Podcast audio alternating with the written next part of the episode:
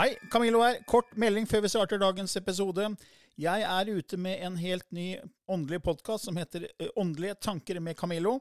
Du finner mer informasjon om den hvis du går til camilloloken.no skråstrek gratis. camilloloken.no skråstrek gratis. Der er det også overraskelser til deg som er fast lytter av mine podkaster.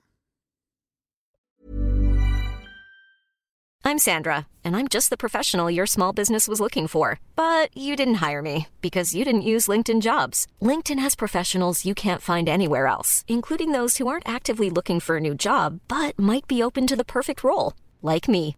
In a given month, over 70% of LinkedIn users don't visit other leading job sites. So if you're not looking on LinkedIn, you'll miss out on great candidates like Sandra. Start hiring professionals like a professional. Post your free job on linkedin.com/people today.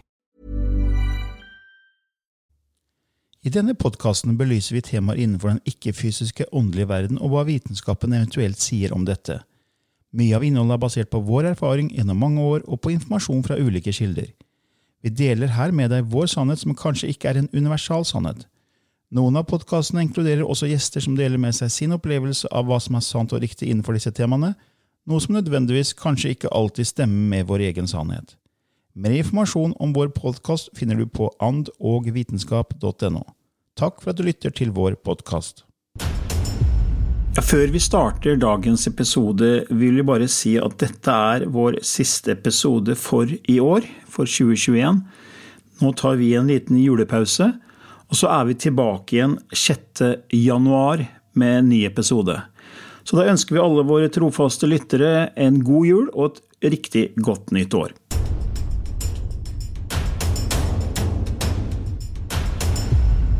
Ja, Velkommen til en ny episode i Ånd og vitenskap med Lilly Bendris og Camilla Løken. Og I dag Lili, så skal vi jo ha veldig spennende tema, syns vi. Ja! Vi skal snakke om transe, lettranse, fulltranse, mediumskip og ikke minst dansende bord. Ja! Det som da Og det har ikke jeg vært med på, og vi har en gjest. Og det har vi, for vi er jo ikke sånn veldig eksperter på det. Nei. Og da har vi med oss deg, Kimare. Velkommen til oss. Jo, takk for det. Hyggelig å være her sammen med dere også. Ja, og så vidt vi forstår, så er jo du holdt på Du har vært klarsynt hele livet. Det har jeg. Jeg er født og oppvokst sånn. Mamma er sånn. Ja. Kan du ikke si litt om deg selv og og det du, det du driver med? Jo, jeg liker egentlig ikke å prate så mye om meg sjøl, vet du. jeg har holdt på absolutt hele livet. Jeg vokste opp ved siden av Margit Sandemo. Eller ikke helt ved siden av, da, men naboen vår. Så det har på en måte alltid vært en del av uh, livet mitt. da. Så uansett hvor jeg har vært hen, så har det, det, har alltid, det har alltid vært der på et eller annet nivå. Og det har jo ført meg ut på en veldig, for min del, spennende vei, synes jeg. Vi har fått jobbe sammen med Colin Fry, fått jobbe sammen med Gordon Smith. Og jeg har jo vært over halve verden og demonstrert mitt mediumskap. I Skottland, Irland, Sverige. Og du har også en utdannelse. Ja. Jeg er den eneste i Norge som har fullført Intuitive Studies eh, fra Skottland. Eh, og det var Gordon Smith og Colin Fry som sto for pensumet, da. Ja. Eh, Så jeg var i Skottland i nesten fem måneder og var i kontinuerlig trening. Ja. Noe som for meg, for meg personlig var veldig bra, da. Jeg trivdes veldig godt der nede. Ja. Og eh, både Gordon og Colin er Eller må si var, da, når det kommer til Colin, for han gikk jo bort. Eh, veldig gode lærere. Mm. På en sånn inspirerende måte. Veldig mange lærere trykker elevene ned. Og det skal skje på én spesifikk måte. Ok. Og sånn har det aldri vært med Cordon, nei, Cordon, Gordon og Colin. For, for de anerkjenner at hvert eneste medium er unikt da, og forskjellig. Ingen, ingen av oss fanger opp informasjon på samme måte. Nei. Og når det kommer til en del andre institusjoner, da, så hvis du ikke gjør det akkurat sånn som de gjør det, Ja. så havner du utenfor. Og, og det, det setter jeg veldig liten pris på. Mm. Noe som førte til at jeg starta først min egen skole, Kime Ja. Kimesi-skolen. Og så har det blitt videreutvikla og videreført av ja. Åse og Anne Kristin. ja, og Åse min søster. Åse er søsteren din. Vi skal snakke litt om det Ja. senere om Åse. Ja, Verdens søteste, altså. Ja. Virkelig. ja. Um, og jeg synes det er så bra at de um, tar det de lærer, og skriver det om og gjør det til sitt eget. Ja. Og viderefører det på en veldig folkelig og fin måte. Og det for meg å få lov til å jobbe sammen med dem, er bare fantastisk. Men hvordan var det for deg å vokse opp med å være klarsynt helt fra, fra, fra barndommen da? Jo, altså, mamma Jeg har litt, hatt litt annerledes oppvekst, for jeg er oppvokst med Vika som hovedreligion. Oi. Eh, Vika og heksekunst. Ja, ja, ja. Så Det er nå vi skal åpne døra og løpe. ja. Ellers så kommer jeg med kosteskaftet, vet du. Jo. Um, eh, og da være så annerledes, spesielt i Valdres, da, som er et veldig lite samfunn, hvor på en måte alle skal gå i kirka, og du skal følge en viss dynamikk, da. Eh, og jeg fikk veldig mange ganger høre at du passer ikke inn, du er ikke som oss. Så eh, jeg har opplevd veldig mye vold, da. Mye på grunn av det. Oi.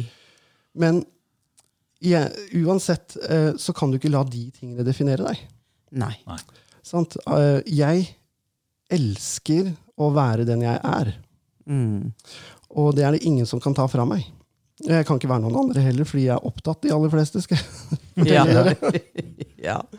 Um, men det å vite ting som du ikke skal vite, helt ifra barnehagen, hvor man vet foreldrene til den skal skille seg, Ja. uh, han kommer til å brekke beinet, så han kommer ikke på skolen på tre dager. Mm. Og, og vite karakterkortet til klassekameratene dine når de står og direkte lyver til deg. ja. Eh, så ender det med at eh, du rett og slett får uvenner. Fordi du er ærlig og, og tar folk i å ljuge. Mm. Og det, det er en, rett og slett en konsekvens, altså. Men det, det handler jo litt om meg også, hvor, hvor mye jeg velger å si. Ja. Ja, og tiden vi lever i. da. Altså den, I fremtiden så blir det sikkert det her stuerent, tenker jeg. Absolutt. Så, men den tiden vi lever i, så er det veldig mye uvitenhet. Veldig. Og vitenskapen er ikke i stand til å kunne måle disse tingene. Um, det, det er så subtilt at det, det lar seg nesten ikke gjøre. Og når du møter den motviljen som de òg gir, så, så, så vil ikke teknologien utvikle seg raskt nok den veien heller.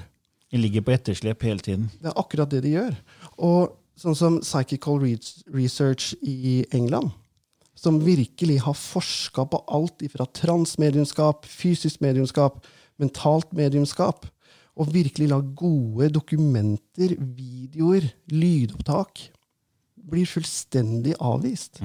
Fordi at de følger ikke et satt kriterie som vanlig vitenskap ønsker, da. Den klassiske, klassiske vitenskapen. Ja. Ja, det det vi, vi har snakka mye om det før, Lili. Det her med at uh, vi har på en måte en etablert sannhet som er styrt av den klassiske fysikken. Absolutt. Og selv kvantefysikken blir jo ikke godtatt av mange. Nei, Så, så selv om det er kanskje den mest fantastiske grenen av fysikken, absolutt. så, så det, vi ligger etter. Men det kommer jo stadig nye måleinstrumenter. Men det er som du sier, det, er- det er subtile ting man skal prøve å finne ut av. Og det, det er ikke mulig med dagens eh, instrumenter. Nei, det er ikke det. Um, nå er det jo et forskningsprosjekt som foregår, jeg mener det er på kryss av Skottland og England, hvor de har utvikla en spesiell type hjelm som de setter på medium Ok. når, når de tar inn Å, ja. avdøde. Når de er i transe. Eh, ja, når de er i transe og tar inn avdøde og Ja. den type ting. Ja. Og, og så langt så viser jo disse her målingene at det skjer noe unikt. Mm. Men det er ikke sammenhengende mellom hver enkelt. Okay. Det er annerledes fra person til person. Og da blir det òg veldig vanskelig å gjøre en kontrollgruppe. Mm. For at de får ikke to pluss to er ikke fire. Nei. Og da, da, da kan de ikke sette sammen en, en gruppe som, som de får et konsist resultat av. Mm. Nei, men det er så, for det er, Mange må jo på en måte se for å tro. Ja. Eh, og, og så da er liksom vitenskapen verdt, Hvis vitenskapen kan bevise det, så er det på en måte greit. ikke sant? For da tror man. Ja. Men det er jo sånn, det vi, vi har opplevd, er at det er mange som våkner opp når de får en egen erfaring. ja. Det er det som må til for mange. Når de Ja. først opplever noe eget, det er da de begynner å åpne opp for at det er mer enn bare det du kan se og ta på. Absolutt. Vi er jo litt sånn at jeg tror ikke på noe annet enn det jeg kan se og ta på. Eh, og når det synet, eller det mønsteret, blir utfordra ved at du må konfrontere det Fordi du ser noe som andre kanskje ikke ser, eller får en opplevelse som gjør at du bare Wow, hva var det, liksom? Som du ikke kan forklare.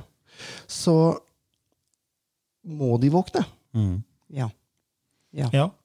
Men Lilly, du, for å gå inn på det her med transe, du går jo i lett transe, eller ja du, du er på en måte til stede, sier du? Hvordan, Ja. Kan du forklare det? For nå, Kim Are gjør jo på en måte full transe. Ja. Og, og jeg vil ha kontroll. Jeg, jeg har ikke For jeg har, jeg hadde en kollega i mange år, Silja Winther, som gikk i full transe og ikke huska noe. Og jeg tenkte at jeg vil jo høre hva som blir sagt, jeg vil ha en kontroll. Så jeg, eh, jeg har aldri gått i full eh, transe. Det har jeg ikke. Det har du, Kim Are. Det har jeg gjort mange ganger. Ja. Jeg anbefaler deg å gjøre det, Lilly. Det er oh, kjempegøy. God, ja, Kan ikke, kan ikke du si litt om det for de av lytterne som ikke kjenner til det? Ja, full, full transe, eller transemediumskap, da, sånn som det utvikles i dag i hvert fall, er jo veldig forskjellig fra skole til skole. Eh, og sånn transe som du går i, Lilly, det er det veldig mange innenfor spesielt spiritualismen Ja. som religion som ikke vil akseptere. Ja. De vil kalle det for eh, humbug. Ja.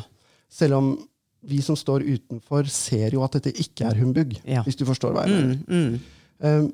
Når man går i full transe, så lar man en annen bevissthet få lov til å låne kroppen din og sinnet ditt. Hvis du kan tenke deg når du spiller Super Nintendo, og du er han der eh, lille Super Mario på TV-en, Mm. så er det de som holder rett og slett i kontrollen.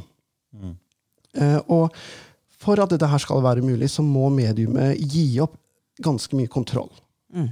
Så åndeverden velger stort sett å holde deg opptatt på en eller annen måte, inni ditt eget sinn. Sånn at du ikke følger med på hva som skjer. Hva, hva er det du opplever da? Og alt mulig rart. Eh, En gang så var jeg på skitur med noen guider. Det, det var veldig hyggelig, skal jeg si deg. Hater å gå på ski, vet du. Så, så da holdt de meg opptatt. Um, og den informasjonen som kommer, er rein. Den er ikke påvirka av mitt sinn, da. Jeg, når jeg går i full transe, og, og nå er det en forfatter som skriver bok om Martin. Eh, Hun heter Vibeke Kvam. Veldig hyggelig dame. Men hvem er Martin? Det er min guide, han som kommer Ja, okay. han som prater, Ja, okay. prater gjennom meg. Ja. Um, og jeg er direkte uenig med han Ja. om, om mye. Av det han sier, ja. Ja, Fordi at det er ikke sånn jeg har lært at det er. da. Okay. Uh, og det å løsrive seg, og dette her er faktisk veldig viktig til de som ønsker å utvikle transemediumskap, å løsrive seg fra skoler. Mm. ja. Fordi at transemediumskap vil ikke fungere likt for meg som det gjør for Lilly eller Åse eller Anne Kristin eller deg, eh, Camillo. Du har én nøkkel som må til, og jeg har min. Og hvis ikke den nøkkelen blir på en måte hedra i den prosessen, så kommer du aldri dit. Nei. Og hvis det da står noen over deg og forteller at det du gjør er feil, og du må forandre på det, da kommer du aldri i mål. Nei. Og det er det jeg syns er så fint når man ser sånn som Lilly, da. Eh, hun går sin egen vei. Og hun er ikke avhengig av andres support. Nei. Og det som kommer gjennom, er veldig, veldig rent. Ja. Og det er det vi vil ha. Og det er det transemediums, transemediumskapet skal være. Er at informasjonen er ren og, og konsis nok Mm. til at man kan kunne følge den. Og i Norge spesielt så er det veldig mange som påstår at de er transmedium. Men sannheten er at de er ikke det, og det, det synes jeg er veldig trist. For de gir transemediumskapet et dårlig rykte. Men det å gå ned i full transe er for meg en veldig magisk opplevelse hver gang. Det er en helt indre fred, det er en varme, det er en, en ro og en sånn trygghet. Mm. Nesten som om du er i en Ja, som du flyter litt i varmt vann, egentlig, for meg. Mm. Og sitte der i den tette forbindelsen mellom meg og åndeverdenen, da, er veldig hilende. Men Lilly, du sitter jo på sidelinja, sier du.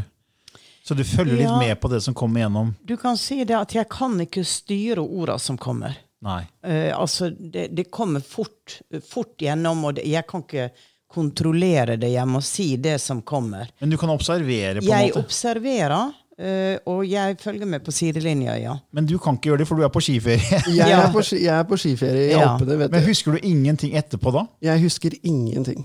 Fordi Lilly husker jo det som har blitt kommet gjennom. Ja, husker... Så vi kan snakke om det sammen etterpå. Ja. Men det kan jo ikke du gjøre det da, sånn sett. Da. Nei, jeg husker ingenting. Men da betyr det at du må gi deg fullstendig hen. Det Ja. betyr egentlig at du må gi slipp på kontroll og frykt. Ja.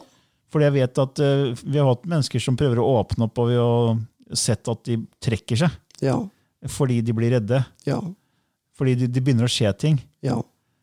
Men du er født med det, Ja. så for deg så er det veldig naturlig. Ja. Og der har jeg en veldig fordel, Ja. eh, føler jeg selv, da, i hvert fall. Og når Fordi at jeg har fått den støtten spesielt hjemmefra, at det, det her er greit, bare fortsett å gjøre det, Ja, ikke så, så blir utviklingen så mye lettere òg. For uansett om du er født sånn eller ikke, så må det en viss utvikling til, da. Før du på en måte eh, klarer det. Og, en, og trygge rammer, selvfølgelig. Men har, men du, Lille, du har jo en teknikk for å kunne koble deg på. Ja, det, det er jo ikke engang en teknikk. Nei, men du, noen, du har noen ritualer. Du legger noe, hodet ditt på noen pute og noe greier.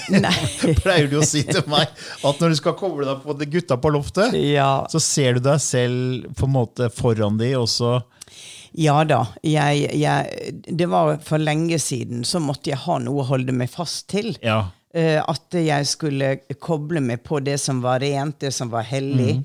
Eh, så da kom det et mentalt bilde inn i mitt hode at jeg står foran denne kvinna som da er ammusar. Eh, og, og der er et rituale hvor jeg kneler foran henne og legger hodet ned på en pute. Det er litt forskjellig. Men det gir meg en følelse at nå har jeg de omgivelsene, den protection. Nå, nå kan jeg på en måte gå rett opp. Så Ja. for meg var det vel egentlig for å skape en trygghet. At enten kom det bildet til meg, eller så skapte jeg det. Men da begynte en, en, en fysisk reaksjon å skje. Pusten forandra seg. Fikk sånn hurtig pust, eller, eller noen rykninger, for jeg følte jeg skifta gir, og kroppen min var ikke så flink til å skifte gir. Så det kunne bli en liten rykning rett og slett for å justere. Og så kom orda. Ja, for det jeg har sett da i de åra jeg jobba med deg, så ser jeg at du kobler mye raskere på nå enn du gjorde før. Ja, og det er jo også fordi at jeg går ikke så dypt. Altså, jeg er på en måte i den flowen eh, hvor jeg kan switche veldig fort. Til å begynne med så var det jo fryktelig styr å gå fra den ene tilstanden til den andre. Jeg hadde jo ikke peiling av det. Hva- Ikke sant? ja. Jeg får denne voldsomme oppvåkninga med denne energigjennomstrømninga i kroppen hvor alt åpner. Og uh, hva, hva skjer? Så man måtte jo gå gjennom en periode og eh, trene kroppen sin til å kunne ta denne frekvensen som var så veldig annerledes, eller noe av det jeg hadde opplevd før. Uh, så, um, så jeg vet at når jeg begynte å kanalisere gjennom lett transe da, For først så begynte jeg å skrive. Og skrev og skrev og skrev. Uh, og etter et ritual et, på et sjamanistisk kurs så kom den elektrisiteten opp i halsen. Det var som et eple som lå der, og, og alt var gyllent, alt var rent, alt var klart, alt var bare kjærlighet. Ops. Og så kommer da denne som har skrevet, Vonde Digel. Så begynner han å snakke, og jeg hører meg selv med en gammel mannsstemme begynte å snakke og si de vakreste ord, og spørsmål begynte å komme, og svarene kom. Og da var jeg Jeg hørte hva som ble sagt. Eh, og jeg fortsatte jo da å kanalisere, men jeg opplevde, jeg opplevde at det var en så forskjell på min normaltilstand den gangen å gå inn i kanaliseringstilstanden at etter at jeg hadde snakka, så kunne jeg sitte og hakke tennene og bli iskald eller kokvarm. Så det var så mye fysiske ting som skjedde i kroppen. Jeg rykka veldig. Men etter hvert som jeg ble trena, da, så stoppa jo det. Og det ble mer eller mindre normalt. Sånn som nå, så, tjo, så Ja. går du fra den ene tilstanden til den andre. Men har du en teknikk? Eh, Min teknikk eh, for, eh, for å gå inn i full transe er rett og slett bare å sette meg ned og prøve å sove. Det var lukke Ja. øynene og puste rolig? Ja, fordi jeg er, i motsetning til Lilly, da, så er jeg avhengig av at de kommer nær. Ja. Og på en måte gir meg den morfinsprøyta. Okay. Og hvis ikke de gjør det, så skjer det heller ingenting under den seansen. Eh, og det må, da må jeg bare akseptere det, og de som observerer det, må bare akseptere det. Ja.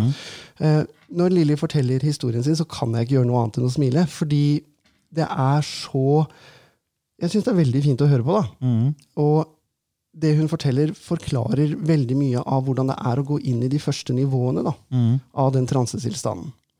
Uh, og jeg kjenner meg veldig igjen i, i det hun sier, selv om mine indre bilder var litt annerledes. Mm.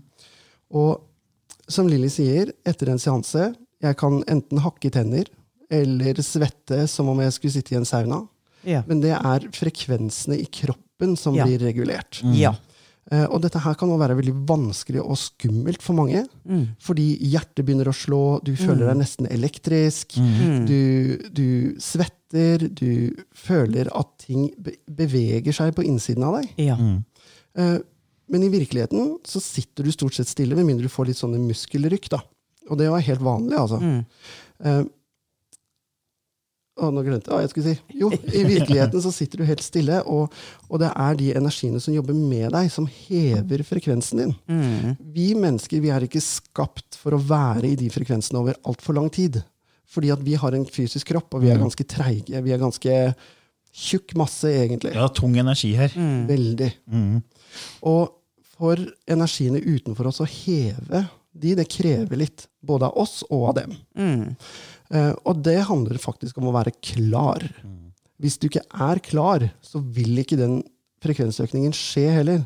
For hvis du sitter og tviholder på alt det negative som har skjedd deg i livet, eller om du tviholder på det her dårlige selvbildet ditt, og 'nei, dette får ikke jeg til', man må være unik og spesiell og valgt for å få til dette, så kommer du heller ingen vei.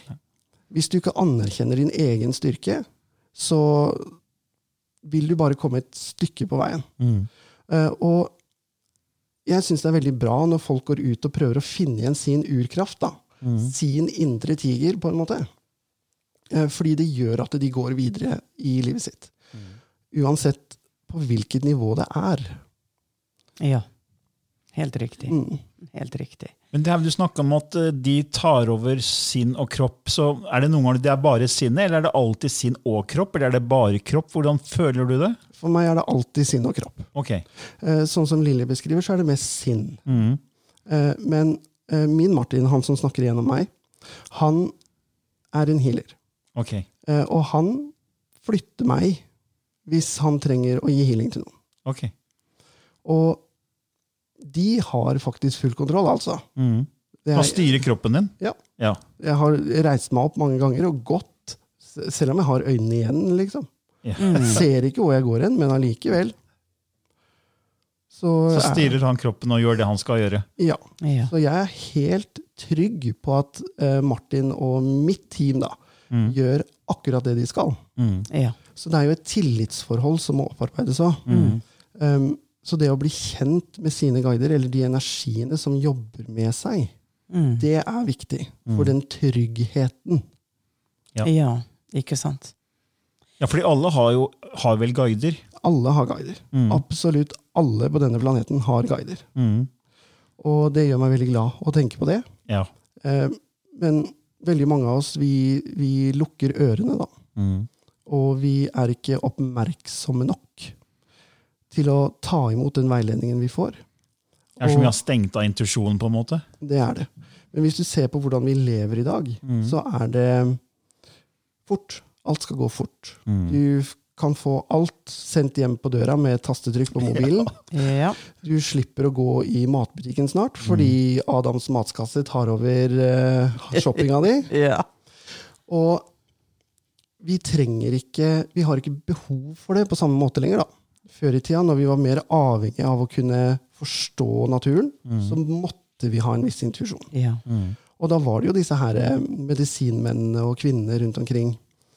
Og hvis du bare reiser litt nordover i landet, når du, kommer, når du krysser nordlandsgrensa der, og du begynner å komme inn i same, same territorium, så ser du en helt annen kultur rundt det her. Ja.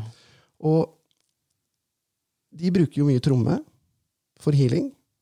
Og det er en del av det å heve frekvensen. Å være en del av sin egen intuisjon. Og det har vi glemt her nede.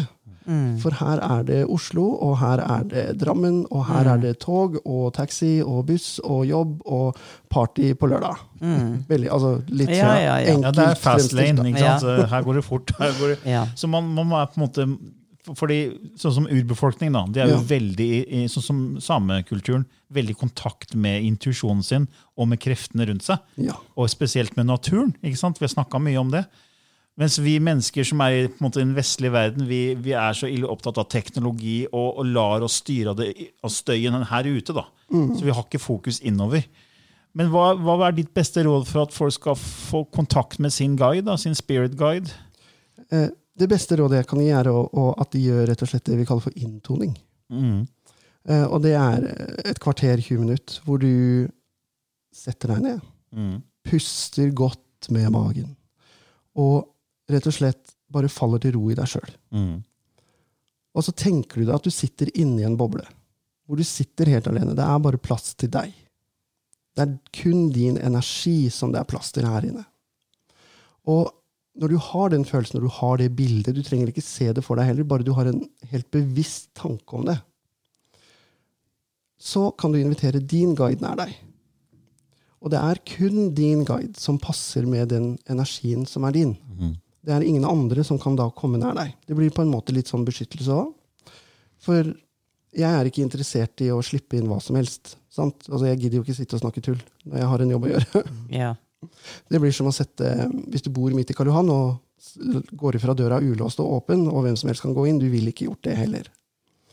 Og når guiden din kommer nær, så vil du få en følelse av en Det er veldig vanskelig å forklare, men det er akkurat som en, et nærvær, på en måte. Om du ikke kjenner det første gangen, så må du ikke gi opp. Fordi at de ønsker virkelig å jobbe sammen med oss. Mm. De ønsker å veilede oss. De ønsker at vi skal bli bedre enn det vi er. Mm. For Vi har snakka om i boka vår Lille, at uh, intensjon er viktig. Ja. At man har et virkelig ønske om å få kontakt. Ja. At det er et første viktig skritt. Ja. Og så da gjør det du anbefaler, da, så man setter seg ned med et sånn intensjon om å oppnå kontakt. ja. Det er veldig viktig. Den intensjonsbiten er veldig viktig. For det blir som om jeg skulle satt deg på et kontor uten å fortelle deg hva du skal gjøre. Ja. Så da vil du til slutt bare sitte der og se ut i løse lufta og, og, og tenke at ja, da jeg får nå i hvert fall betalt for å sitte her. ja.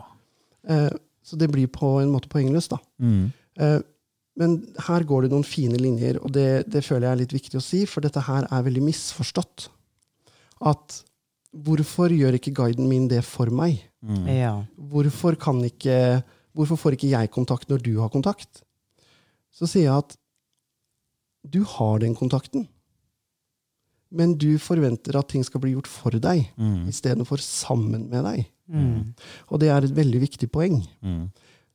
Det hjelper ikke å sette seg ned i sofaen hjemme og klage over at du ikke har kontakt, hvis du forventer at kontakten skal bli gjort for deg. Mm. Du må være en del av den prosessen. Mm. Guidene de står klare, de. Når du er med på prosessen, så kommer de. Men sånn, Lilly, du har jo flere guider. Ja. Men det er sånn at kan hvem som helst være en guide? Kan det være en avdød? Kan det være, er, det, er det familiemedlemmer? Så, hvordan vet man Eller hva er Hvem kan bli en guide, på en måte? Hvem som helst kan bli en guide. Ok. Um, lederguiden din, som vi kaller det da, i der hvor jeg kommer fra, Mm. um, han eller henne har du fra du er født til du dør. Det kan ikke være en avdød. Med mindre den, altså familiemedlem, avdød familiemedlem, med mindre familiemedlemmet har dødd før du ble født.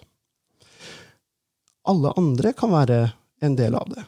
Hos meg så er det 67 stykker som jobber med meg Oi. når jeg går i transe. Sier Martin, da. Jeg må bare stole på han. Jeg. For, for Martin, Kan ikke du si litt om Martin? Fordi Det er jo en guide som er en avdød person som visstnok Ja. bodde i gamle Kristiania, var ikke det? Det gjorde han. Veldig artig fyr. Um, og det Ja, eh, kanskje ikke si det. Unnskyld. Uh, han er en veldig artig fyr, og, og han, når han presenterer seg selv, så forteller han jo litt uh, om hvor han bodde, hva han gjorde, og han utvikla healing når han levde. Og på den tida i Kristiania så, var så sier han at han følte seg nesten som en sånn rebell når han uh, satt i healingsirkel og utvikla healing. Men han sa også at vi gjorde det i Guds navn, i det kirkelige tro, for det var det som på en måte var riktig å gjøre på den tida. Dere har funnet hvem han er, stemmer ikke det? vi har funnet han. Ja, så, og det er jo fascinerende i Ja, seg ja. selv. Han fortalte oss adressen hvor han bodde i Kristiania. Jeg husker ikke den i hodet nå, Nei, men um, der var han. der var han. Mm. Ja, og det, det er jo bare herlig. Ja. Han er veldig artig og Ja. veldig flørtete. Han har vært med deg hele livet. Nei. Han har ikke det, nei? nei. Um, den som åpna døra for meg, han het Alfred. Ok. Eh, en engelskmann mm. som emigrerte fra Skottland eller Irland til USA. Og han var børsmegler og gikk bort i det her børskrakket Ja. der nede på Ja. Wall Street. Mm. Og, så han fortalte også veldig mye om seg selv. Så han oppfant vi. Og det er veldig fascinerende. Ja, det er ikke veldig sant? Når folk sier dere sitter og finner på dette, og at du da faktisk finner at det De som kommer gjennom, Ja. er mennesker Ja. som har levd? Ja. Ja. Eh, og det gjør det jo for meg og, og de som opplever Martin, Mm. eh, at det blir på en måte litt mer virkelig med en gang. Men Ja. han, han, tar til seg, altså han kom med kunnskap både fra det livet han levde, men også fra den andre siden. da. Det gjør han. Og han har snakka mye om andre planeter og galakser og bevisstheter som er langt overfor det vi har. Og det er sånt som jeg blir veldig overraska over når han sier, for at jeg har ikke noe forhold til det. Jeg har egentlig aldri lagd meg noen tanker om det heller. For å være helt ærlig, altså. Ja. Og når han sitter da og snakker om det der, og jeg bare jeg klør meg i huet og tenker ja, ja. Godt det ikke bare er jeg som er rar. sier jeg. ja. Men det, Ja. nå har vi jo fått mange spørsmål om forskjellige ting som ikke vi er sånne eksperter på, Lilly, og et av de er jo ektoplasma, Ja. som også er forbundet med det her med mediumskap. Ja. Kan ikke du si litt om det? Hva, hva, hva ligger i det her begrepet og fenomenet ektoplasma? Ja, ektoplasma jo, kommer gjennom det vi kaller et fysisk medium. Et fysisk medium må utvikles i, under veldig strenge forhold. Og de fysiske mediumene som har levd før oss, de har ofte ja, slitt med, med evnene sine. Og det handler også mye om overbruk, da, men det kommer vi til senere. Eh, De forholdene som et fysisk medium utvikles under, må være riktig. For hvis ikke de forholdene ligger til rette, så kan ikke åndeverdenen komme nær nok til å kunne produsere ektoplasma. Og ektoplasma er en blanding av kroppsvæsker, nerveceller, alt det som du har inni deg, og åndelig bevissthet. Så det åndeverden gjør med mediumet, er at det blir satt i en form for transe, og så produserer mediumet ektoplasmaen. Med åndeverdens guiding og kunnskap så trekkes det fysisk ut av mediumet. Så du kan se bilder av det, og du kan ta på det, og du kan snakke med det. Og, og denne substansen bruker åndeverden for å i hovedsak av tre fenomener. da. Og det, det første er transfigurasjon. Det betyr at åndeverden lager en maske over ansiktet ditt som gjør at alle dine trekk blir borte, så du helt klart og tydelig som på et fotografi kan se den avdøde som kommer igjennom. Eller mediumets guide. Eh, Det andre fenomenet er det vi kaller uavhengig stemme, hvor åndeverden bruker mediumet til å lage en stemmeboks, eller et stemmebånd, og så bruker de ofte en seansetrompet. Det er en kjegleform. Eh, De putter den stemmeboksen inn i trompeten, og bruker den som forsterker. Og da er det gjerne en ektoplasmisk stav som kobler mediumet til stemmeboksen. Og mediumet Minnie Harrison eh, var en av de mest kjente uavhengige stemmemediumene. Og hvis du går inn og googler henne, så er det første bildet som kommer opp, henne med trompeten. Ja. Eh, og det tredje fenomenet er full materialisering. ja. Og full materialisering vil si at en avdød eller en guide bygger seg opp sånn som de så ut når de levde. Du kan snakke med dem, de, de kommer og setter seg på fanget ditt. De, de, altså, det er helt surrealistisk å være med på. Mm. Um, jeg var så heldig at jeg fikk være med på en, en seanse i Kent um, i i England. Og der var det en, en mamma som hadde mista eh, dattera si i en bilulykke. Jeg blir veldig rørt når jeg tenker på det. Em, datteren hennes materialiserte seg. Alle sammen i rommet så henne. Og gikk og satte seg på fanget til mammaen sin Oi. og sa at det er helt greit, mamma. Jeg har det bra, og jeg er med deg. Og hun begynte å fortelle om ting som hadde skjedd etter hun gikk bort. For å bekrefte for moren at At hun var ja. hadde sett Ja. hva moren gjorde. da. Ja. Mm. Og den opplevelsen er ubeskrivelig. Og du kan nesten ikke tro det før du har vært der sjøl. Å finne fysiske medium er fryktelig, fryktelig vanskelig. Mm. Og det er veldig, veldig få som er ærlig og redelig. Mm. For fysisk mediumskap utvikles i stummende mørke. Ja, riktig. For det er en Netflix-serie som heter Livet etter døden. Ja. Og der har de vel to deler om det er med mediumskap og fysisk mediumskap. Ja. Og der tar de opp det med ektoplasma. Og der sier de at det, man må være i stummende mørke, for hvis ikke så kan man brenne. ja. Altså, Jeg forsto ikke helt, men, men hvis man da får lys på det, Mm. så vil den som tar inn eh, informasjon, kunne bli brent. da. ja. Stemmer det? Det, det kan man. Ja. Um, og ektoplasma er veldig lysfølsomt. Men her er det et men. En åpen seanse skal alltid ha lys. Uansett. Og da jobber vi gjerne i rødt lys. Okay. I, sånn som de hadde i mørkerom før i tida. Ja. Eh, fordi det er en enkel frekvens å manipulere. Det røde er jo det laveste, vet du. Mm, på skalaen, ja. Ja, eh, og veldig enkelt å manipulere og kont kontrollere. Um, ektoplasma, når det trekkes inn igjen i kroppen, så kan det dra med seg det som ligger i rommet. Og går de for fort inn, så kan mediumet i verste fall ende opp med indre blødninger. Um, Helen Duncan i eh, England, eller Skottland, husker ikke helt hvor hun er fra, um, hun fikk jo store skader etter et uh, politiraid. For under andre verdenskrig så kom det en, um, en ung mann igjennom på seansen hennes og fortalte at båten han var på, hadde gått ned. Og dette her skulle være en statshemmelighet. Oi. Eh, Så når det her begynte å komme frem, så hadde, hadde den britiske regjeringen et raid på ene seansen hennes. Og etter det så ble Helen Duncan veldig, veldig syk. Fordi det var utenfor alles kontroll. da. Ektoplasma gikk så fort inn igjen. Mm. Eh, Det samme skjedde med Alec Harris, eh, hvor det var noen som var ute til å ta eh, for juks. Eh, Så de åpna det, det de hadde brukt til å, å stenge for vindu, lyset for vindu. Eh, Åndeverden var forberedt. Så rett før det her skjedde, så hadde åndeverden revet ned kabinettet som han satt i, eh, og pakka det tett, tett, tett rundt Alec eh, for å beskytte han mot lyset. Sånn at ektoplasmaen fikk komme inn igjen i riktig. da. Akkurat. Um, fysisk medlemskap utvikles i det vi kaller kabinett.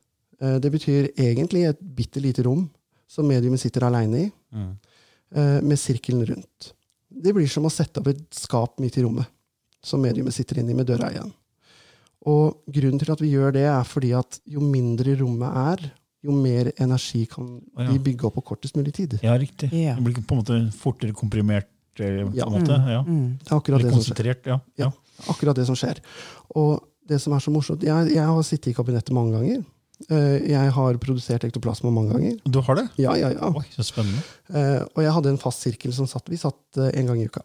Vi satt hver onsdag. Mm. Og, um, og det kabinettet gjør at mediumet sitter på en måte litt mer i sin egen boble. da. Og ekskluderer det på en måte fra sirkelen, samtidig som det er helt avhengig av de som sitter og observerer, for at dette her skal kunne fungere. Mm. Eh, Det er to poeng med at du har sittere som observerer deg. og Det, er, det ene er det at noen er der og faktisk ser hva som skjer, og hører hva som skjer. Ja. For det er ikke noe vits i å sitte og snakke ut i løse lufta, egentlig. Nei. Eh, Det andre er energien som blir henta fra hver deltaker som Ja. sitter der. Eh, Og det merker jo kanskje du, Lilly, når du Ja. har foredrag eller seanser, hvor mye energiutveksling det er mellom deg og de som er rundt deg. Ja, ja, ja. Du blir mye sterkere når eh, det sitter 500 i salen. Ja, ja, ja. ja, ja. Så er det en helt annen type kanalisering og informasjon som kommer frem. Helt Absolutt. For du har batterier, da. Ja. Eh, Og det vil alle foredragsholdere merke. Ja. Alle entertainere, Ja. alle musikere, alle de merker så godt denne her flyten av energi mellom dem og publikum. Mm. Selv om de står på en scene. Og det her blir litt på samme måte. Okay. Åndeverdenen er avhengig av en viss harmoni mellom deltakerne. Mm. Hvis den harmonien blir dårlig, så funker det heller ikke. Mm. Så det betyr at jeg og Lilly, vi kan være uenige, vi. Mm. Vi kan være kjempeuenige. Men når jeg og Lilly sitter i samme sirkel, Mm. så sitter vi for samme formål. Mm. Mm. Og det er fellesskapet vårt. Mm. Ja. Og vi kan være venner selv om vi er uenige. Ja. Men veldig ofte så reagerer mennesker på den andre måten. At min sannhet er den alle skal uansett være enig i. Ja. Ja. Og når det skjer, så mister vi altså så mye Mm. Energi på den veien. Mm. Det blir at vi står på hver vår tue mm. og skri, prøver å skrike høyest. Ja. Istedenfor å si at ja, Lilly, ja, jeg forstår at du opplever det sånn, men jeg er kanskje ikke helt enig. Ja. Men ektoplasma det er veldig spennende. Jeg syns det er kjempespennende. For- Forskeren er der, vet du, Ja, ja, Camilla, men, det, kommer men, men kommer, det, er- kommer det ut fra eh, nese, munn, kommer det alle åpninger? Hvordan, hvordan fungerer det? Det kommer ut alle åpninger, Ok. Rett og slett. Men er du Eh, ikke redd, Var du redd første gangen? på en måte? Nei. Men Merker du det, eller er du, er du i full transe så du merker ikke? Jeg var i full transe første gang det skjedde. Ok. Eh, og første gang det skjedde hos meg, så Hvordan skal jeg forklare det? Jeg kan si det sånn at eh, åndeverden bygde opp en ektoplasmisk tåke rundt ansiktet mitt, fordi vi jobba i hovedsak med transfigurasjon. da. Og dette her forma seg som en litt stor astronauthjelm. Eh, de sitterne som satt og observerte, Mm. så bortimot noen og 30 ansikter oh. samtidig Mm. i den tåken. Ja. Og ut ifra hvor de satt, så fikk de på en måte se sine egne. Ja. Sine Ah. egne guider og sine egne Ja. avdøde. Ja. Eh, jeg trodde det hadde gått skikkelig dårlig, den sirkelen. For jeg følte virkelig at jeg bare sov. Ja. Eh, og når de fortalte meg det her etterpå, jeg bare, du, jeg tror ikke på dere. Ja. Rett og slett. For jeg Mm. sov. Jeg var helt overbevist om at jeg hadde sovna. Ja. Men du er en av de få som faktisk gjør det, du, da? Ja. Fordi Jeg husker også om Netflix sa de at det er ikke så mange som gjør det. Mener jeg mener de sa på den serien. ja. Det handler om at du må ha en eh, viss kjemisk eh, forbindelse i kroppen. Ok. Mm. Eh, og den er det ikke alle som har. Men alle har potensial til å produsere et visst nivå av ektoplasma. Okay. Men om det er nok til at det er, har en nytteverdi, det blir noe annet. Um, det blir sånn når vi jobber med borddans, f.eks. Ja, for det var, Nå hadde vi også spørsmål om det med, med Ja. et bord som danser. altså, Ja. Eller hopper, hva skal man si. ja det, jeg syns det er kjempegøy. Er det, er det, er det bare, kalles det bare dansende bord, eller var det Det kalles borddans. borddans? ja? Rett og slett. Og da snakker jeg ikke om når du drikker deg full og danser på bardisken, altså. For da snakker vi om et bord som, står, som, som begynner å bevege seg av seg selv. på en måte, Ser i hvert fall sånn ut. Ja. Og da, spørsmålet er, er det da telekinese, hvor man da bruker tanken skal for å flytte et objekt, eller så er det det du kaller teleplasma? Teleplasma, ja. Ja, Kan ikke si litt om det? Det er spennende, veldig spennende, det òg. Eh, borddans er et blandingsfenomen, egentlig. Mm. det er en del telekinetisk energi, og så er det en del teleplasma. Og teleplasma er det vi kaller for usynlig ektoplasma. Det tåler å være i lys, det tåler å være i sollys, til og med. Eh, så, det, så borddans kan utvikles under alle typer lysforhold, og i alle typer rom, da. Og, og poenget med borddans er å gi et fysisk bevis. Det går under kategorien fysiske fenomen. Det er ikke helt fysisk mediumskap, men fysisk fenomen. Alle kan oppleve det, alle ser hva som skjer. Um, poenget med det er jo at avdøde skal kunne komme igjennom og gi beviser på hvem de er. Det er det hele mediumskapet er bygd opp rundt, er de bevisene. Mm. Og når vi får et sånt fysisk bevis som at når bordet begynner å bevege på seg, eller løfter seg fra gulvet helt og holdent, altså begynner å levitere, så er det vel kanskje ikke så mye mer tvil, da. på at eh, bevisstheten vår overlever den fysiske døden. Mm. Og at utviklingen vår ikke stopper selv om hjertet slutter å slå. Mm. Så når du gjør borddans, og når du skal utvikle borddans, så det er et fenomen som kan ta lang tid å utvikle. Mm. Eh, Jeg hadde en sirkel, vi satt i to år. Um, og vi brukte nesten Ja, hvor lang tid brukte vi? Nesten tre måneder før det i det hele tatt skjedde noe som helst på det bordet. Mm. Men jo lenger vi satt, jo bedre ble det. Og på slutten, før vi måtte legge ned ene sirkeldeltakeren vår gikk dessverre bort. Um, og da valgte vi å legge ned, for um, kona hans satt også sammen med oss. Og hun Det det ble for slitsomt, rett og slett. Mm. Um, så før vi la ned, så leviterte bordet. Det løfta seg helt ifra gulvet Mm. og hang i lufta. Ja. Men, hva, men hva gjorde man i forkant? da? Det er selvfølgelig intensjon om å få kontakt. Men er det da du som fysisk medium som setter i gang prosessen, eller er det alle? Det er, det er en samlet eh, innsats, da. Ja. Um, når, du, når du skal utvikle borddans, så utvikles det også i spesielle former. Uh, man åpner sirkel, man stenger sirkel. Det er for å si at nå skal vi utvikle borddans, Mm. og vi ber guidene våre komme nær oss. Mm. Og når vi stenger sirkelen, så sier vi takk for det vi har fått oppleve i dag. Og nå, vi, nå kan dere trekke dere tilbake, og vi gleder oss til neste gang vi møtes. Mm.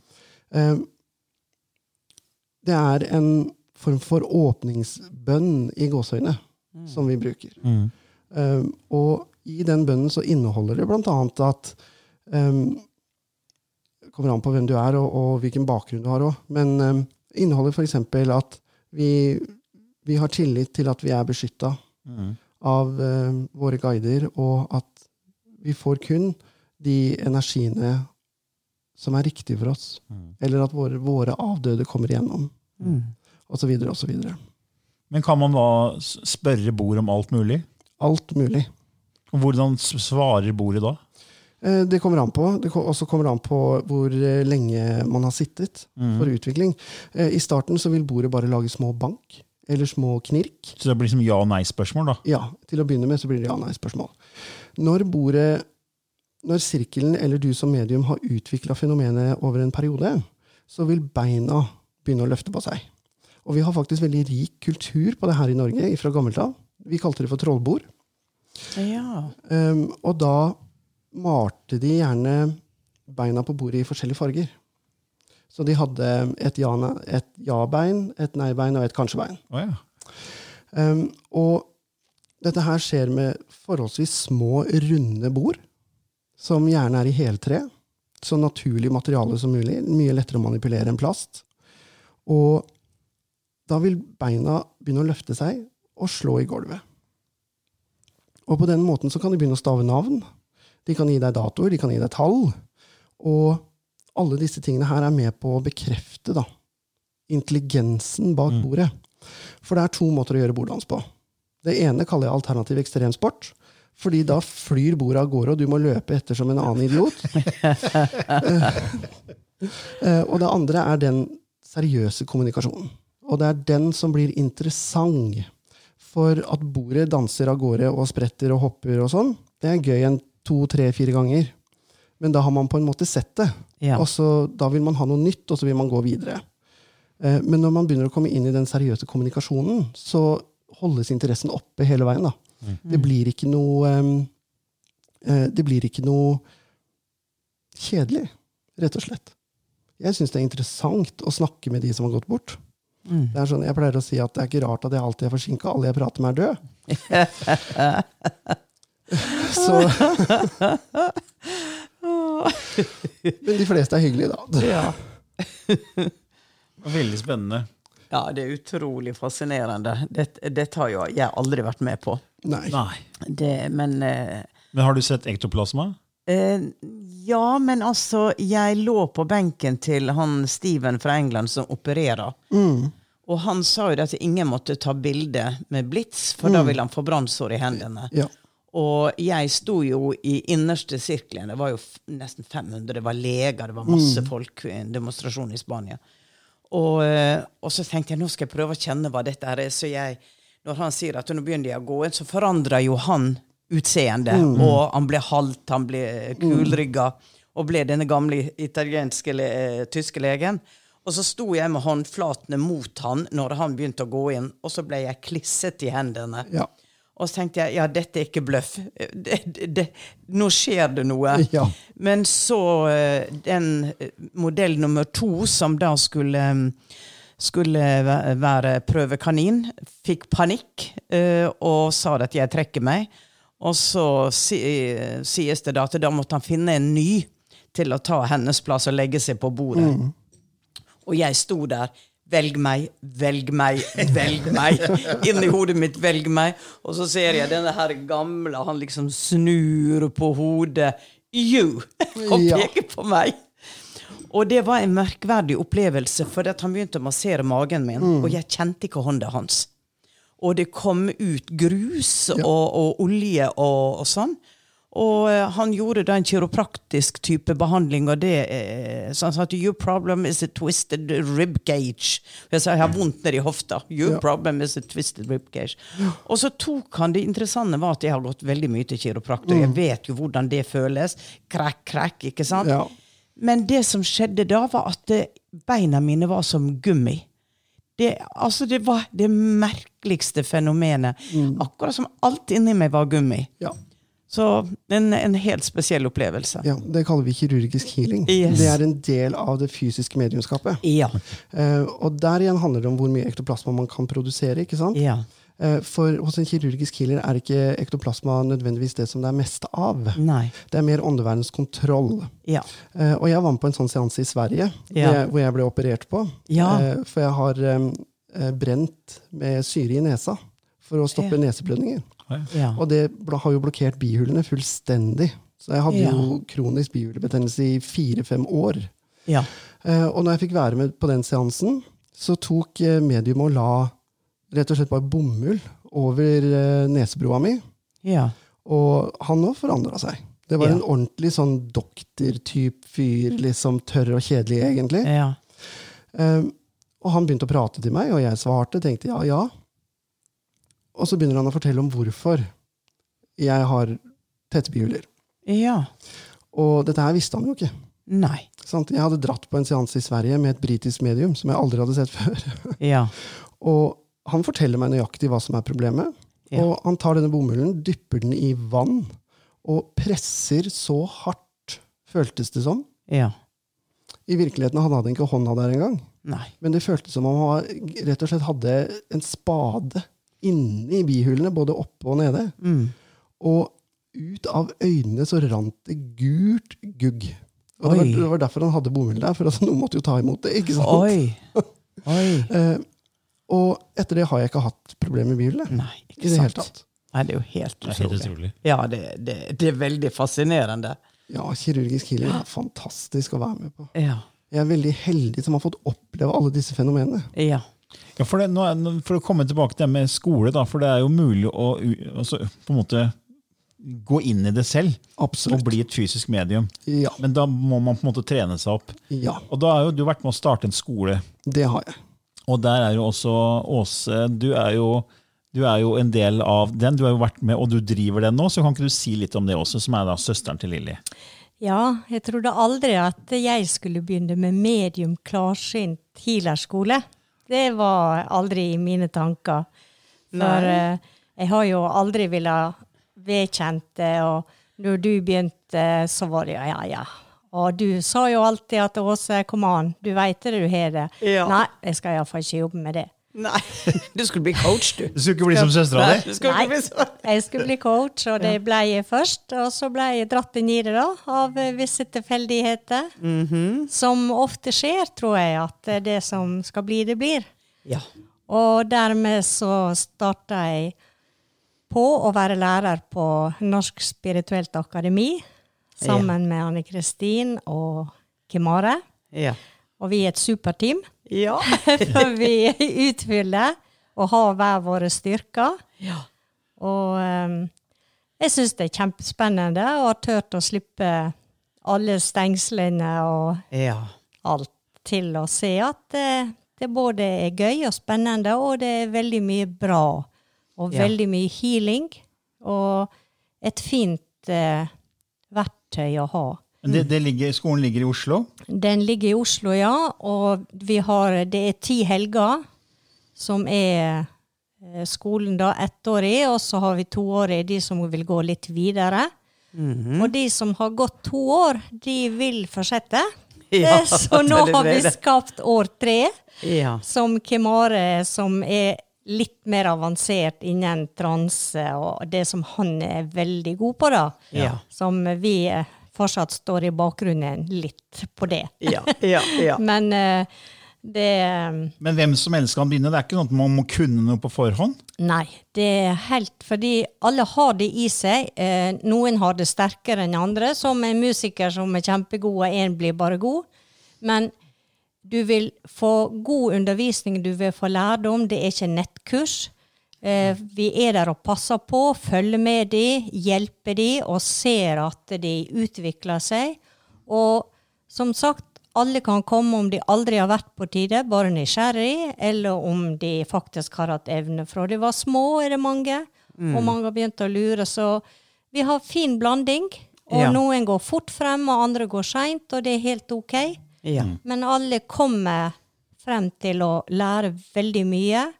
Noen fortsetter å jobbe med det og, bli, og tar imot kunder, og andre har det for seg selv. Så det er helt fritt. Du kan Ja. ta eksamen. Eh, Du kan bare ta diplom og være der og slappe av og kose deg, eller du kan velge å også ta eksamen. Da kreves det litt mer. ja. Men hvor, hvor kan folk gå for å finne ut mer om den skolen her? Da må de gå på nettsida vår, norskspiritueltakademi.com. Ok. Eh, og da får de mer. Der kan de finne alle opplysninger. Og, og vi har ikke avertert noe særlig, fordi at dette går fra munn til munn, og vi har plenty folk. Ja. Så vi har ikke hatt behov for det. Og det, vi tar også bare toppen tolv, fordi vi vil være veldig til stede og passe på. Og, og blir det for mange, så kan det bli litt vanskelig å fange alle. Ja. Mm. For det er nokså mye arbeid, og det er tungt energiarbeid til å begynne med spesielt. ja. Så, um, så det er vel sånn den er, da. Mm. ja. Veldig bra. Veldig bra, Åse. Ja, det var interessant. Takk, takk. Det var fin informasjon, Åse. Men du kan også si litt, du også, Kim Are. Hva, hva, liksom, hva, hva tok du initiativ til den skolen? Eh, ja, det var eh, Jeg starta i hovedsak på Gjøvik. Mhm. Eh, herregud, det er mange år siden. Eh, og jeg har hatt mange kull. Eh, veldig, veldig dyktige elever, de som kommer.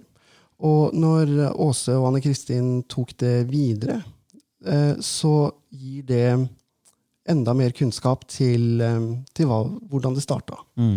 Og her hos oss, jeg sier hos oss, så lærer du alt det du trenger av teknikker og metoder for å kunne oppnå forskjellige nivåer i utvikling. da. Kommer Ja. an på hva du ønsker. Og dette gjelder jo både klarsynthet, mediumskap, healing, fysisk mediumskap, transmediumskap, kanaliseringer. Mm. Og når du er klar for det, og du kommer på et sånt kurs, så møter du altså mennesker som tenker det samme som deg, Ja.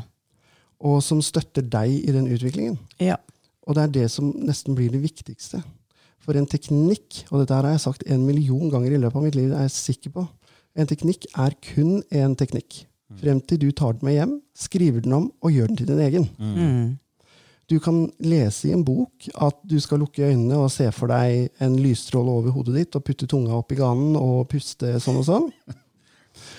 Men det er ikke sikkert det er riktig teknikk for deg. Mm. Det er som du sier, Vi er unike. Det er akkurat som vi har unike Ja. fingeravtrykk. ikke sant? Ja. Det er akkurat det samme med, med energien vår. Vi har energi, helt unik energi. Kall det design, da. Helt riktig. Mitt design er annerledes enn ditt, og min hjerne er annerledes enn din. Og veldig mange går inn i denne her utviklingen med, med overbevisning om at de skal se masse. Og man skal se ditt, og man skal se datt. I virkeligheten så føler de aller fleste. Colin Fry, for eksempel. Jeg har jobba mye sammen med han, og han så nesten aldri noen ting. Han fikk nesten ikke det eneste bildet. Nei. Hos han gikk det på følelser og, og klarfølthet. Ja. Du kunne se, Hvis du ser på gamle klipp Unnskyld. Hvis Ja. du ser på gamle klipp av, um, av Colin, Mm. så ser du han står og beveger fingrene sine. Mm. Og da kjenner han etter. Hvilken måned døde du i? Januar, februar, mars, april? Ja. Hvor gammel er du? 10, 20, 30, 40, 50? Ja. Så han jobba på den måten. Ja. Mm. Uh, og det også synes jeg ofte stopper folk fra utviklingen deres. Er at de går inn med en sånn forventning om at å, man skal se, Ja, det er det gamle, mm. man skal se for å tro, ikke sant? ja, Ja. og man skal høre sånn og sånn og sånn. Lukt, smak og følelse blir ofte oversett. Mm. Og jeg syns det er veldig trist. Ja. For For alle, alle sansene bidrar, bidrar jo. ja, vi har seks sanser. Mm. Eh, og alle de her forsterkes når du jobber på den måten. Ja. Mm. Du har klarfølelse, klar lukt, klar smak, klar hørsel og klar syn. Og så har vi den sjette sansen som vi kaller for klarviten. Mm.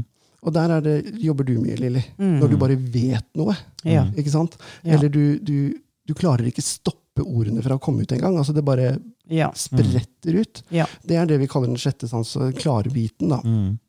Og, eh, og jeg syns det er veldig dumt når disse her sansene blir oversett. Mm. Og selv om de i utgangspunktet ikke er viktige når du sitter med fysisk mediumskap eller transemediumskap, så vil de forsterkes av at du gjør det arbeidet òg. Mm. Eh, og det er viktig å, å inkludere dem, Mm. rett og slett. Mm. Ja, vi har snakka litt om dette før, og du bare du bekrefter jo det som vi hadde i en annen Ja. podkast og satt Ja. og, og diskuterte ut ifra et spørsmål.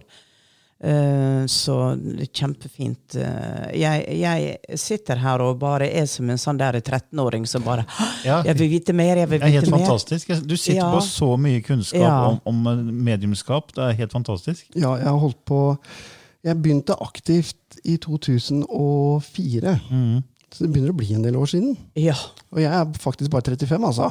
ja, ikke sant? Ikke Ja, men du har veldig mye, mye erfaring og kunnskap, altså. Ja, eh, det har jeg vært veldig heldig. Veien min har vært eh, på en måte veldig tilrettelagt for meg. da. Mm. Eh, Og man blir møtt med veldig mye medgang og veldig mye motstand. Mm. Og man har jo grupper i Norge som virkelig ikke liker det vi gjør. Ja da. Eh, Og man må faktisk bare gå i seg sjøl og bare forstå at dette reflekterer faktisk ikke meg. Mm. Det reflekterer de som um, kommer med disse uttalelsene. Mm. Og spesielt fra kirken. Mm. Jeg er ikke meningen å si noe negativt om, eh, om religion eller kirke eller noe som helst, men den tilnærmingen som hvert fall jeg har opplevd derfra, er særdeles negativ. Mm. Mm. Fordi at Satan og helvete er veldig menneskeskapte konstruksjoner. Ja. Mm. Og hvis man tenker på det, så, så handler det veldig mye om at du må ta ansvar for dine egne handlinger. Mm. Er du en drittsekk, så må du møte det Mm. den dagen du går over. Mm. Er det vi har mye om at det vi sender ut, kommer tilbake, og den frekvensen du dør på, det gjør hvor du havner i astralplanet, ikke sant? hvor du skal brenne ut behov. Vi har vært veldig mye innom det.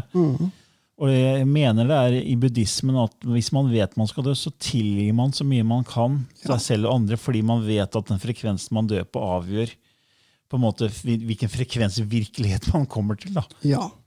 Eh, Og det, er, det tror jeg også på, altså. Eh, Og Martin har også snakka om en del om akkurat det der. Ja. Mm. Om at den dagen du dør, så må du Hva var det han sa? Jeg må bare tenke. Han sa ganske ordrett at du kan tro det er et helvete, men i virkeligheten så er det dine egne handlinger Mm. som du må møte. Ja. Og ingenting av dette er for evig, sa han. Han sa du går videre når du har forstått hva du har gjort, Ja. Mm. ja. sa han. Mm. Mm. Det er helt i tråd med det vi har snakka om før. Ja. Mm. Jeg syns han er veldig smart. Mm. ja, han høres, han høres, Men- men høres har- veldig smart ut. Men sier han noe, Ja. sier Martin noe om at Eh, jeg, eh, jeg jobba med det, jeg trodde på det mens jeg levde, men at det var en videreutvikling når han kom over på, eh, til åndeverdenen. Ja.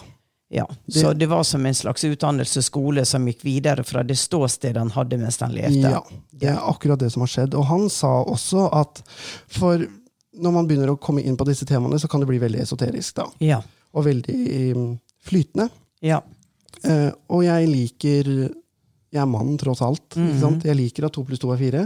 Mm. Um, og jeg liker de litt mer konkrete svarene. Ja.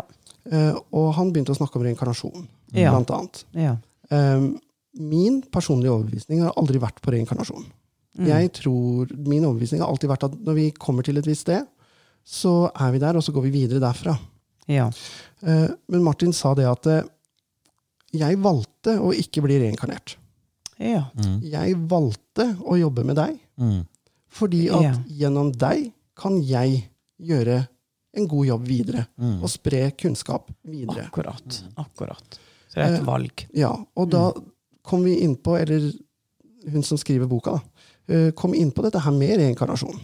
Eh, Og han hadde sagt det at noen må reinkarneres, fordi at de skal skjønne noe som de virkelig ikke har forstått. Balansere ut, ja. ja. Ja. Mm. Og andre får lov til å velge selv. Mm. Sånn som Dalai Lama, for eksempel. Ja. Mm. Han velger hver gang å bli reinkarnert. Ja. Fordi at han vil fortsette å spre kunnskapen på den måten. Ja. Og det samme med mor Teresa. Ja.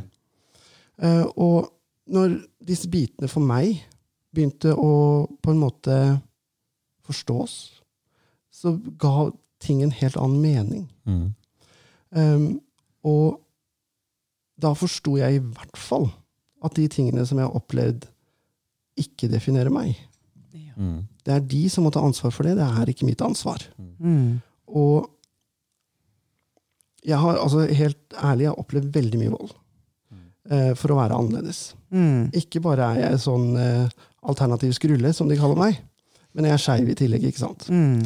Jeg bor sammen med en mann. Jeg er veldig glad i min mann. Mm. Eh, og eh, når du blir en minoritet i minoriteten, Ja. Så, så Ja. møter du mye ja, motstand. Mm. Og mange meninger. Alle har en mening om deg, da. Mm. Uansett. ikke sant? Uh, og de må de ta ansvar for selv. ja, ja. De koker jo ned til uvitenhet, syns jeg, da. Det er akkurat det de gjør. Ja. Det er, det, er, de, de, det er det, derfor vi har laga denne podkasten og har også det medlemskapet om det med spirituell, for spirituelt interesserte mennesker. Fordi det er så mye interessant i, den, i denne koblingen mellom det fysiske og ikke-fysiske Ja. som, som på en måte ikke blir belyst fordi det er på en måte tabu, eller det er, liksom, det er speisa. Det er liksom, Ja. Folk tør ikke å snakke om det, så vi sier ok, men det her er interessant å belyse. Ja, Og det er mange som sitter med disse tankene og erfaringene og opplevelsen, så hvorfor ikke da lage et fellesskap eh, rundt det? ja. Og det, og det her spres mer og mer eh, over hele verden, så det, jeg tror det blir mer og mer stuerent. Så de uvitende kommer til å bli i mindretall etter hvert. ja Det, det, det tror jeg faktisk. det, det tror jeg også. Eh, men uvitenhet er, handler egentlig bare om hva man ikke vil se. Ja. Eh, og noen mennesker, alle, alle mennesker i denne verden, har blokkeringer. Uansett hva det er. Og, for vi har levd. Mm. Vi har Ja. gode erfaringer, vi har dårlige erfaringer. Og de blokkeringene må vi være villig til å gi slipp på. Mm. For hvis vi ikke er villige til det, så skjer det heller ikke.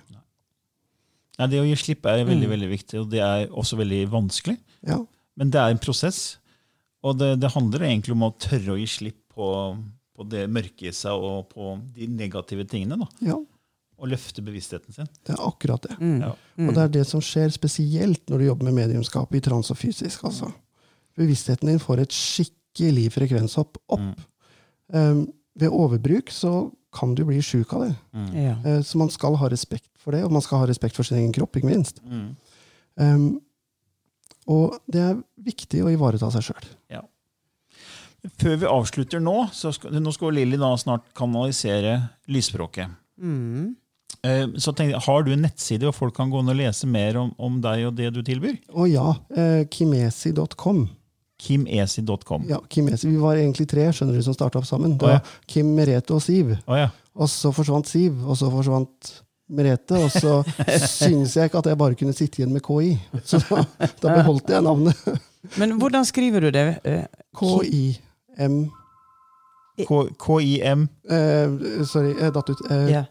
KIMESI.com. Ja, S, okay. ikke, ikke Z, men Nei, S. S, ja. Kimesi med, med S. Kimesi.com. Og den siden eh, per nå er litt under eh, Hva heter det?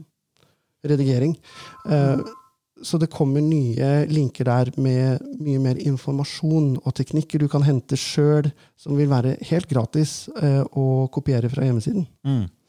Um, for å hjelpe de som har lyst til å starte et sted, og motivere de, Ja. sånn at de kan fortsette i gode, trygge rammer, f.eks. hos Lilly og Mm. hos uh, Anne Kristin og Åse, og, eller hos meg, eller hos hvem som helst som er riktig for dem. Mm. ja. For uansett så er det viktig at du følger intuisjonen din. Mm. Yes. Ja. Det er helt, helt korrekt. Og man, eh, man er jo gjerne på leting når man begynner å våkne opp, og så drar man til den gruppa, den gruppa, den gruppa. Og så kommer man ofte da til en gruppe som sier at nå var det som å komme hjem. Ja. eh, Fordi at det var riktig for deg. ja. Litt terapeutshopping skjer Ja, alltid i starten. ja, det gjør det. Det gjør det. Men eh, det er ok, det. Ja. Ja, vet du hva, dette var, dette var jo Jeg sitter jo her og, og bare tenker at eh, vi må jo få deg på besøk igjen. Det hadde vært på, hyggelig, det. På andre tema. Nå ha, har vi gått mye over tida, eller? Ja, da har vi holdt på en, over en time. Oi! Har vi holdt på over en time? Ja. Ja ja, men det får, da får det bli en time denne gangen. Ja, ja, ja. da give, eh, vi give warnings. Jeg, klar, jeg klarer ikke å slutte å snakke. Nei, det var altså- kjempespennende. Veldig ja, spennende. det er så mye interessant. Og dette med language of light, eh, som jeg gjør, er det noe du snakker? Er det en del av din uh, mediumskap? Nei, det er Nei. ikke en del av mitt mediumskap. Uh, og um, når jeg var på um, utdanning i tenke, det var i Hellas. Um, så var det lysspråket en del av temaet. Ja. Uh, og jeg fikk det faktisk aldri til. Uh, og da sa han som underviste meg, han heter Pavlos, Ja. utrolig dyktig healer. ja. Det, det skal han ha. altså Fantastisk medium òg. han sa det at det ligger faktisk ikke for deg. Nei. Du skal gjøre det. Du skal Ja. ikke blande inn alt det Ja. andre. Yes, yes, Sa han. yes. Forskjellige oppgaver. I forskjellige oppgaver, ja. Ja. Og, um, og det er jo um, Vi har jo gått to forskjellige veier, jeg Mm. og du, uh, Kim. Um, for, for meg så ble det veldig klart at jeg skulle være en som bygger bro. Mm. Og gjennom å gå ut i det offentlige Mm. og stå i det, og, og bruke litt humor og bruke litt og ufarliggjøre det. Så, så um, jeg skulle ikke gå inn i dypere studier. Og det var jo derfor at universet kom inn og linka meg med han. ikke sant? Så han har sittet der og studert og kan.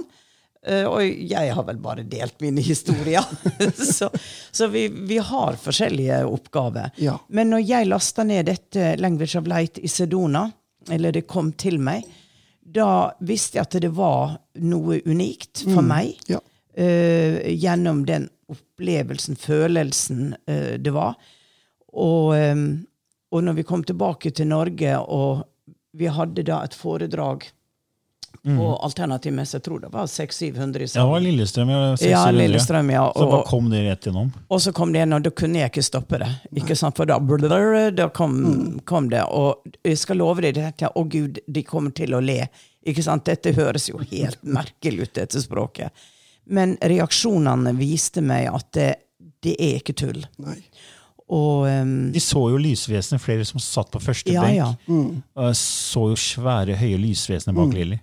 Ja da. Og det, det Ja. Mm, det er riktig. Og, og derfor så forsatte jeg meg da når vi skulle på kurs og foredrag, men når vi skulle lage denne podkasten, så fikk jeg veldig klar beskjed at det en par minutter hver avslutning skulle jeg komme. Og det interessante er jo det at det er jo nye språk hele tida. Ja. Det er jo ikke ett nye lag. De, de er veldig forskjellige. Veldig. Så um, Og du kan høre forskjell på yin og yang-energi, feminin, maskulin energi. ja. Det er veldig spennende. Og det er fantastisk. Jeg synes det er fantastisk. Ja. Eh, og, og det var som jeg sa i sted, selv om vi har gått forskjellige veier, Ja. så betyr ikke det at vi er uvenner, Nei. men at vi har forskjellige opplevelser. Ja. Eh, og så Det er én ting eh, jeg har veldig lyst til å si. Eh, og, og det handler litt grann om religion og, og mediumskap. Mm. Bare sånn veldig, veldig Ja, kort. ja. Mm. Eh, spiritualismen er jo på en måte religion bygd opp rundt medlemskapet. I utgangspunktet kristent, da. Men det er veldig viktig at folk forstår at du må ikke være spiritualist for å praktisere som medium. Mm. Mm. For det har i utgangspunktet ingen sammenheng. Ja. Det er en bevegelse som kom til på slutten av 1800- eller midten av 1800-tallet. Og før i tida så var ikke våre forfedre, samene oppi teltene sine, manifesterte jo sine forfedre Mm. i form av ektoplasma, i form av mediumskap. Vi har aldri vært avhengig av spiritualismen som et trossystem for å kunne praktisere mediumskapet vårt. Nei. Eh, Og mediumskap er noe alle mennesker har i seg.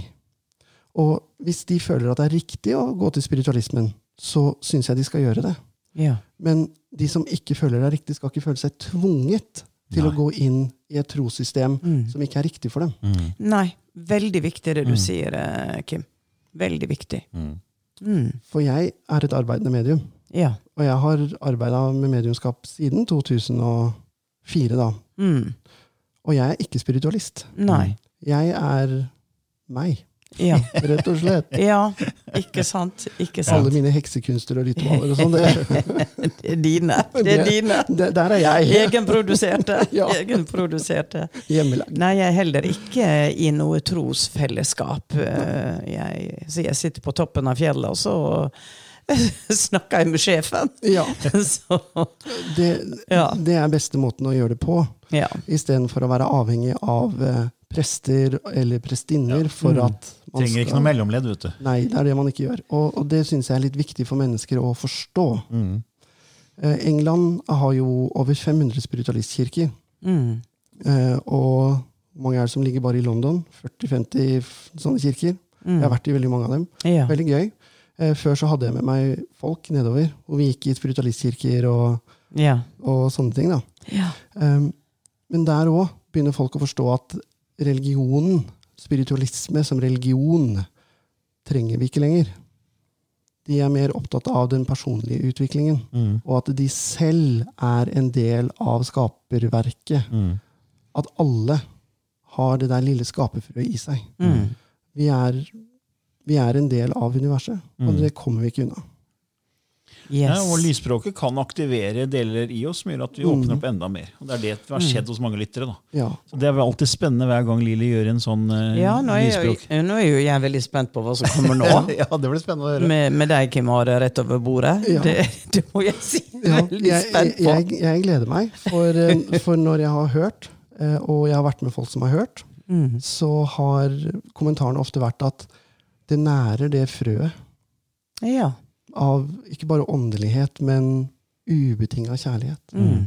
Og tilstedeværelse, Mm. som er en viktig del av det for oss som jobber med åndelige ting. Da. Mm. Mm. Ja. Så jeg gleder Nydelig meg. sagt. Ok, da skal jeg be om tillatelse Ja. og koble meg på. Da skifter Lille litt gir, og de av dere som ikke har hørt lysspråket før, kan gå inn på vår nettside anogvitenskap.no og lese litt mer om det der, hvordan Lilly lasta det ned for mange år siden i Sedona, og hvordan det kan påvirke oss på cellenivå og DNA-nivå og skape positive reaksjoner. Da er Lilly straks klar.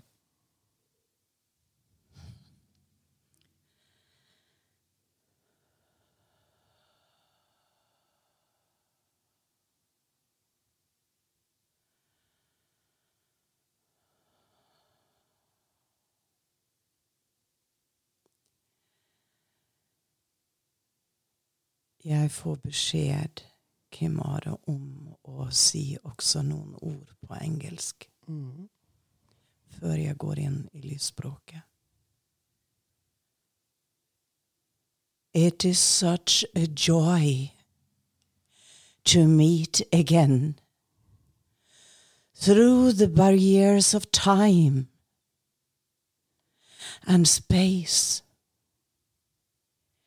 It is the togetherness being celebrated at this moment in timelessness.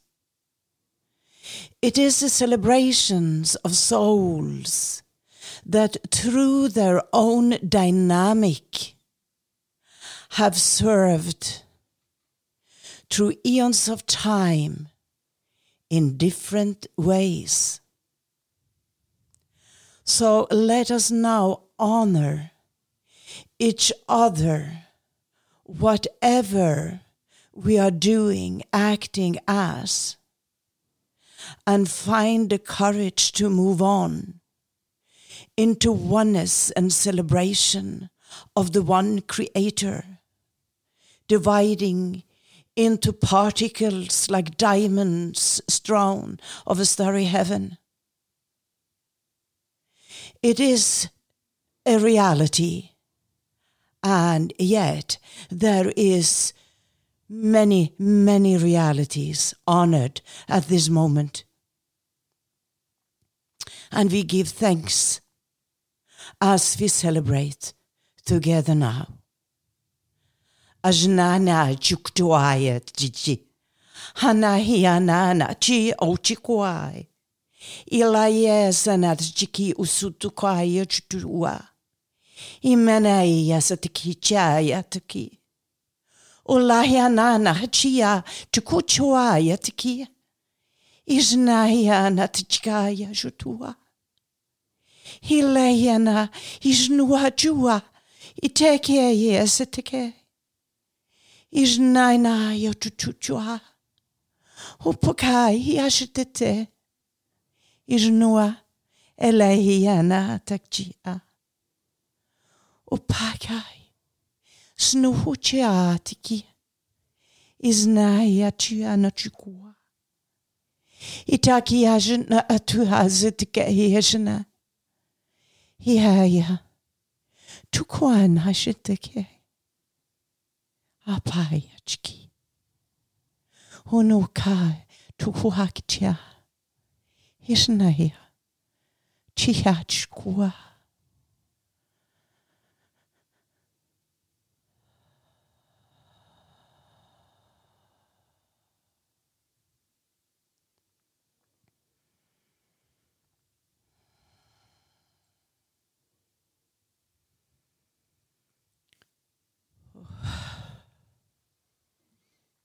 Ja. Oi. Ja. Det var veldig, veldig eh, godt. Ja. Det var godt. Og du sier du ikke går inn i full transe. Mm. Jeg hører hva jeg sier. Ja. Men nå var du, når du snakka engelsk, så var du mye nærmere enn det jeg tror kanskje du har vært før. Så potensialet ligger der, Lilly. Oh. Ja. Fikk du noen bilder nå, eller? Jeg så bare en hær av levende vesen i glede. Det var bildet som kom. Og så kom de første orda, og det, da måtte jeg si de i forståelse. Og så bare rom var det rett inn i det andre. Det var veldig, veldig vakkert. Ja, jeg sitter og Jeg kjente at her var en enorm energi, og den, den kom jo direkte fra deg. Så det som kom gjennom nå, var på en måte deg, som jeg bare var telefonen til. Tusen takk. Det, jeg ble veldig varm, og jeg kjente hvordan ting begynte å flytte på seg Ja. innvendig i energien. ja her ble en kobling. Uh, og du ser jeg skjelver på, i hendene, så det ble veldig sterkt også for meg.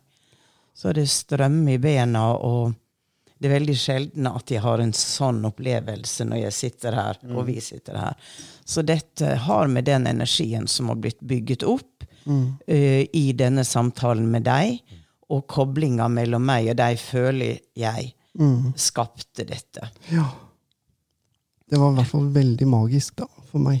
Ja, fint. Og den følelsen jeg sitter med nå, den er veldig harmonisk. Ja. Men tusen takk for at du tok deg tid til å komme til oss. Og bare hyggelig. Ja, jeg tror at selv om dette blir en lang episode, så tror jeg den blir hørt til slutten. Ja. For den var utrolig, utrolig klar. Um, altså, du var, så klar du var så klar i din tale, i din, din den modusen og det som kom gjennom nå, vil alle kunne forstå. Tusen hjertelig takk. Så bra. Jeg er bare glad jeg kan bidra med noe. Ja. Og tusen takk for at jeg fikk lov til å komme. Mm, bare hyggelig. Det syns jeg er moro. Ja. Ja. Ok. Vi takk for denne gangen. ja, ha en strålende dag. Ha det bra.